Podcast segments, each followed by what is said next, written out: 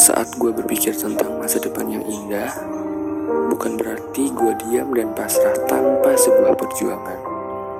Ada kalanya gue lelah, lelah mengira-ngira masa depan, lelah dengan revisi pekerjaan yang entah sampai kapan, lelah dengan diri gue sendiri yang selalu menyerah tanpa rasa syukur.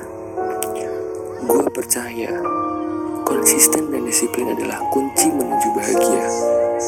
Dua hal itu akan menjadi tameng untuk gue melangkah maju. Bertanggung jawab atas sebuah pilihan. Itulah makna dari sebuah tuntutan.